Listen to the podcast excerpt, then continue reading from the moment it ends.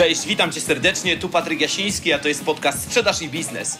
Jeżeli chcesz rozwijać swoje umiejętności w zakresie sprzedaży, negocjacji, perswazji, profesjonalnej obsługi klienta, albo lubisz czasem posłuchać ciekawych ludzi ze świata sprzedaży i biznesu, których będę miał przyjemność gościć, to zdecydowanie jesteś w dobrym miejscu. Więc jak to mówi Andrzej Twarowski, siadamy głęboko w fotelach, zapinamy pasy i startujemy. Odcinek 80. Od czego nie są szkolenia? Zapraszam Was do odsłuchu. Dzień dobry moi kochani, witajcie serdecznie w 80. odcinku mojego podcastu solo. Być może słyszeliście, że nagrywając czołówkę do tego odcinka, słychać było trochę śmiech w moich ustach, dlatego że ja długo się przymierzałem do nagrania tego odcinka. I tak na dobrą sprawę zastanawiałem się, kiedy go puścić, ale stwierdziłem, że to już jest dobry moment, żeby ten odcinek ujrzał światło dzienne. Mianowicie dzisiaj skupimy się na tym, od czego nie są szkolenia. I mówię Wam to ja, jako trener sprzedaży. E, dlaczego Wam o tym mówię? Mówię Wam o tym dlatego, że porobiło się tak jakoś głupio, dziwacznie, idiotycznie nawet bym powiedział, że ludzie traktują szkolenia jako swego rodzaju arenę brutalnych walk. I ja po przeprowadzeniu już ponad tysiąca, chyba 300 szkoleń, mam już jakieś tam swoje doświadczenie. Zauważyłem ludzi głupkowate i dziwaczne zachowania i dzisiaj chciałbym e, o tych zachowaniach wspomnieć. Także zebrałem sobie listę takich dziewięciu w zasadzie zachowań, które są wyjątkowo toksyczne na sali szkoleniowej i ja od razu je ucinam. E, ba, nawet zastanawiałem się kiedyś, czy nie powinienem ich kontraktować, ale ja tam nie jestem jakimś fanem super kontraktów szkoleniowych, bo uważam, że ludzie są dorośli, chociaż jak się okazuje, nie zawsze.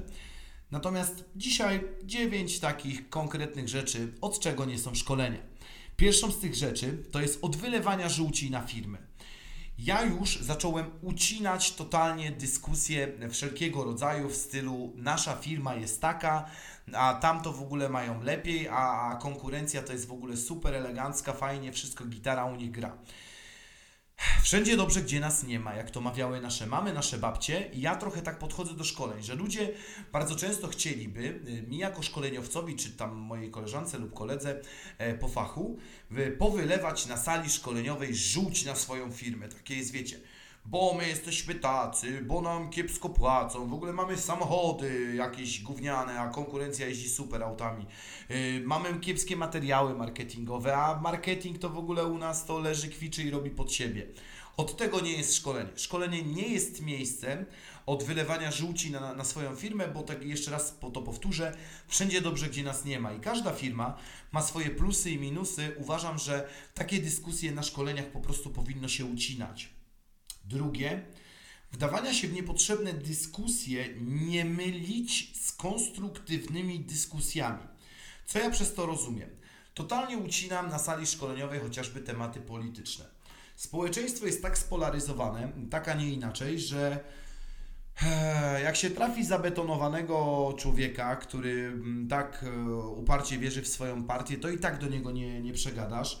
Więc uważam to za jedną z niepotrzebnych dyskusji i uważam, że wiele e, jest sytuacji na szkoleniach, gdzie pojawiają się niepotrzebne dyskusje. Tak jak mówię, nie mylmy tego z konstruktywnymi dyskusjami, bo konstruktywne dyskusje są super i są bardzo potrzebne nam szkoleniowcom, żeby to szkolenie jakoś się toczyło. Natomiast głupkowate dyskusje odstawmy sobie na przerwę, na fajkę czy na, na lunch. Trzecie, rozwiązywania wszystkich problemów. Mm, co ja przez to rozumiem? Często, w szczególności firmy, które pierwszy raz zamawiają szkolenie, mają takie podejście, że oni to by chcieli w ogóle w trakcie szkolenia to, to, to, to, to, to i jeszcze najlepiej jakbyś dołożył to i tamto. W praktyce to tak nie działa. Ja uważam, że jeden dzień szkolenia może maksymalnie odpowiedzieć na dwa problemy, nie więcej. Jeżeli ktoś Wam obiecuje w swojej ofercie szkoleniowej, że on w ogóle rozwiąże Wam wszystkie problemy świata w ciągu 8 godzin, ja akurat już też odchodzę od modelu 8-godzinnego, bo zauważyłem, że w praktyce on się nie sprawdza. Natomiast jeżeli ktoś Wam obiecuje, że rozwiąże Wam wszystkie problemy świata, no to prawdopodobnie trochę mija się z prawdą albo ma niewielkie doświadczenie w rynku szkoleniowym. Ja uważam, że w trakcie jednego dnia jesteśmy w stanie jeden, max dwa problemy danej firmy rozwiązać i ba, świadome firmy, które zamawiają szkolenie doskonale o tym wiedzą, więc one wiedzą o tym, że w sytuacji, w której zamawiają sobie e, szkoleniowca do siebie, do firmy, to ta osoba nie jest w stanie rozwiązać wszystkich problemów świata w jeden dzień. Czwarte to jest rozwiązywanie problemów w zespole, chyba że się da.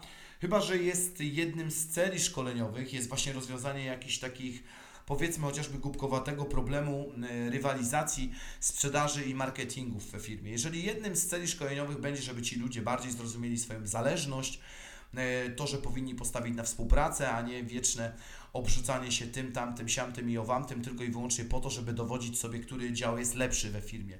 Natomiast szko szkolenie z założenia nie rozwiązuje problemów, chyba że jest to jakieś szkolenie team buildingowe, ale tutaj też uważam, że efekt może być relatywnie krótkotrwały. Nie od tego są szkolenia. E, kolejne to jest skupianie się na sytuacjach, które przydarzyły się raz. Chyba, że jest możliwość częstszego pojawienia się tych sytuacji, lub jest to bardzo ważna sytuacja z punktu widzenia organizacji. No bo ja podchodzę do tego tak, że jeżeli ja czasami słyszę na sali szkoleniowej, no a mi kiedyś klient powiedział, i wtedy zadaję pytanie, ok, a jak często zdarza się, że klienci ci to mówią? Czy to się zdarzyło raz jeden, czy to jest sytuacja powtarzalna? No nie, mi tam kiedyś klient powiedział. No to jeżeli to się zdarzyło raz, to uważam, że stratą czasu na szkoleniu jest skupiać się na, na jakimś case'ie, który pojawił się tylko i wyłącznie raz, ale tutaj zaznaczam, chyba że jest to bardzo ważny case z punktu widzenia organizacji, to wtedy nie ma tematu, nie ma tej całej mojej gadki wokół tego. No kolejne moje ulubione to jest gra w tak ale. I dla tych z Was, którzy nie wiedzą, czym jest gra tak ale, e, Obiecałem, że zaproszę Ewę Wilczeską, żeby opowiedziała nam trochę więcej o grach, ale w które grają ludzie, natomiast no, z Ewką jakoś ciężko jest mi się ostatnio złapać. Ale o grze tak ale Wam opowiem, bo wszyscy ją doskonale znamy. Każdy z nas zna wybitnego gracza w tą grę. Jest to gra upierdliwa i toksyczna. Polega ona w dużym skrócie na tym, że ktoś zadaje Ci pytanie, Patryk, a co byś zrobił w tej w tej sytuacji? No to ja mówię, zrobiłbym to i to. No tak, ale wtedy coś tam, coś tam. No to zrobiłbym to i to. No tak, ale i wiecie, no dobrą sprawę, osoby, które grają w tak, ale, one znajdą każdy, one znajdą zawsze problem na Twoje rozwiązanie. Więc jeżeli masz rozwiązanie, to ta osoba bądź pewny, że ona na bank znajdzie zaraz problem i gra w tak, ale pamiętajcie, że na dłuższą metę ona nigdy się nie kończy. Jest to gra, w którą zarówno gramy w życiu, gramy w nią w biznesie, tak też jest z klientami. Jeżeli trafiasz klienta, który wybitnie gra z Tobą w grę tak, ale, to paradoksalnie on prawdopodobnie nigdy nic od Ciebie nie kupi, tylko zamęczy Ci bułę, tym, żeby na siłę wciskać ci, no tak, ale, no tak, ale proszę pana, to i to. Nie warto tracić czas na takich klientów. W pewnym momencie, kiedy orientujesz się, że to jest tylko gra klienta, należy mu grzecznie podziękować i po prostu poszukać lepszych klientów, bo takowi są na Twoje produkty i usługi. Siódme to siedzenie na dupie i nic nie robienia. E, no i jest grupa uczestników szkoleń, trzeba sobie powiedzieć otwarcie, którzy po to, ja nawet mam taką swoją klasyfikację, tutaj akurat nie będę się teraz rozwodził, jeżeli chcecie ją poznać, to napiszcie do mnie wiadomość prywatną, ale powiedzmy, że ja mam takie pięć typów uczestników szkoleń jedną, jednym z tych e, typów, no jest tak, ja sobie wyliczyłem, że to jest około 20% szkoleń, w szczególności w sytuacji, gdy firma wysyła na siłę swoich pracowników, czyli zapłaciliśmy, to muszą być wszyscy. Ja uważam, że na szkolenie powinni przychodzić ci, którzy chcą, a nie których e, organizacja zmusza. Więc e, jest grupa osób, które po prostu chciałaby siedzieć na dupie i nic nie robić e, chować się w kącie, wiecie, nie uczestniczyć w dyskusjach i tak dalej. Szkoda na nich prądu, szkoda energii i szkoda, żeby prowadzący w ogóle skupiał się na tych osobach, próbując je aktywizować. Uważam, że są lepsze osoby, te, które są zaangażowane i tym osobom należy poświęcić tyle czasu dokładnie, ile one potrzebują, a nie skupiać się na osobach, które i tak nie są zainteresowane tym szkoleniem. Ósme to udowadnianie sobie, kto jest samcem alfa. Ci, którzy mnie znają, wiedzą, że no ja raczej jestem samcem alfa i tego nie da się ukryć. Zresztą to jest widać po mojej postawie, e, po tym jak ja się zachowuję i tak dalej. Ale bardzo często na sali szkoleniowej mam drugiego samca alfa, który za zadanie bierze sobie e, udowodnić trenerowi, że on jest wicesamcem alfa. No i generalnie dzieją się różne dantejskie sceny, bo ta osoba na siłę będzie sobie ze mną udowadniać, kto w tym kurniku jest prawdziwym kogutem, nie? E, albo wiecie, różne inne dziwaczne rzeczy. Bardzo tego nie lubię, bardzo nie lubię walki o tytuł samca alfa, no bo e, no bardzo często jestem w stanie tą osobę storpedować e, w kilkanaście sekund, ale to jest totalnie niepotrzebne, dlatego po prostu to jest toksyczna sytuacja, więc szkolenie na pewno nie jest od tego, żebyśmy udowadniali sobie, kto jest samcem alfa, weźmy sobie rękawice i chodźmy sobie na sparring po, a nie e, będziemy sobie na siłę udowadniać, kto w tym kurniku jest kogutem. I ostatnie, takie co mnie natchnęło ostatnio, e, to jest skakanie z tematu na temat, bo często zdarza się tak, że ktoś zadaje mi konkretne pytanie i mówi Patryk, no taka i taka sytuacja, bo wiesz, bo, bo coś tam, coś tam. No i ja mu odpowiadam, przy czym on odpowiadając mi przywołuje zupełnie inną sytuację. Nie, czyli dla przykładu rozmawiamy o tym, co robić w sytuacji z na przykład ze stałym klientem i on tą samą sytuację obraca na nowego klienta. Więc albo skupiamy się na jednym wątku, albo nie ma sensu się na tych wątkach skupiać. Więc takie skakanie z tematu na temat, jak taka trochę żabka, a to się też przydarza paradoksalnie dosyć często na sali szkoleniowej, dlatego ostatnio zacząłem zwracać na to uwagę, ba, nawet ci, którzy byli na moich szkoleniach ostatnio, mogli usłyszeć takie moje piękne zdanie, że wiesz co, ale skupmy się najpierw na tym temacie. E, czy na tym przedmiocie rozmowy, a później przeskoczymy sobie, przejdziemy sobie na przykład do tego zagadnienia. Czyli szkolenie też nie do końca, nie do końca skuteczne będzie wtedy, kiedy będziemy prowadzili rozmowę wielowątkową. Lepiej jest skupić się na jednym wątku, zamknąć go i przejść do kolejnego. Od tego nie jest szkolenie. Więc jeszcze raz, wszystkie dziewięć rzeczy, od których nie są szkolenia.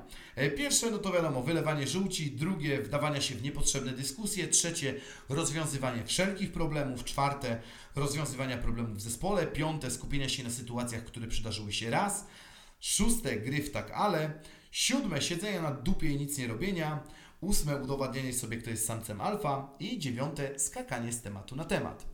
I jeżeli macie doświadczenia ze szkoleniami, to koniecznie dajcie znać w wiadomości prywatnej, w komentarzu pod tym postem, od czego jeszcze Waszym zdaniem nie są szkolenia. A tymczasem co? Jak nie masz książki Zaprojektuj swoją sprzedaż, to gorąco zachęcam Cię na stronę zaprojektuj-sprzedaż.pl. Tam poukładasz sprzedaż od A do Z. No i co? Słyszymy się w kolejnym odcinku. Trzymajcie się gorąco i do zobaczenia. Kibicuję Wam. Cześć!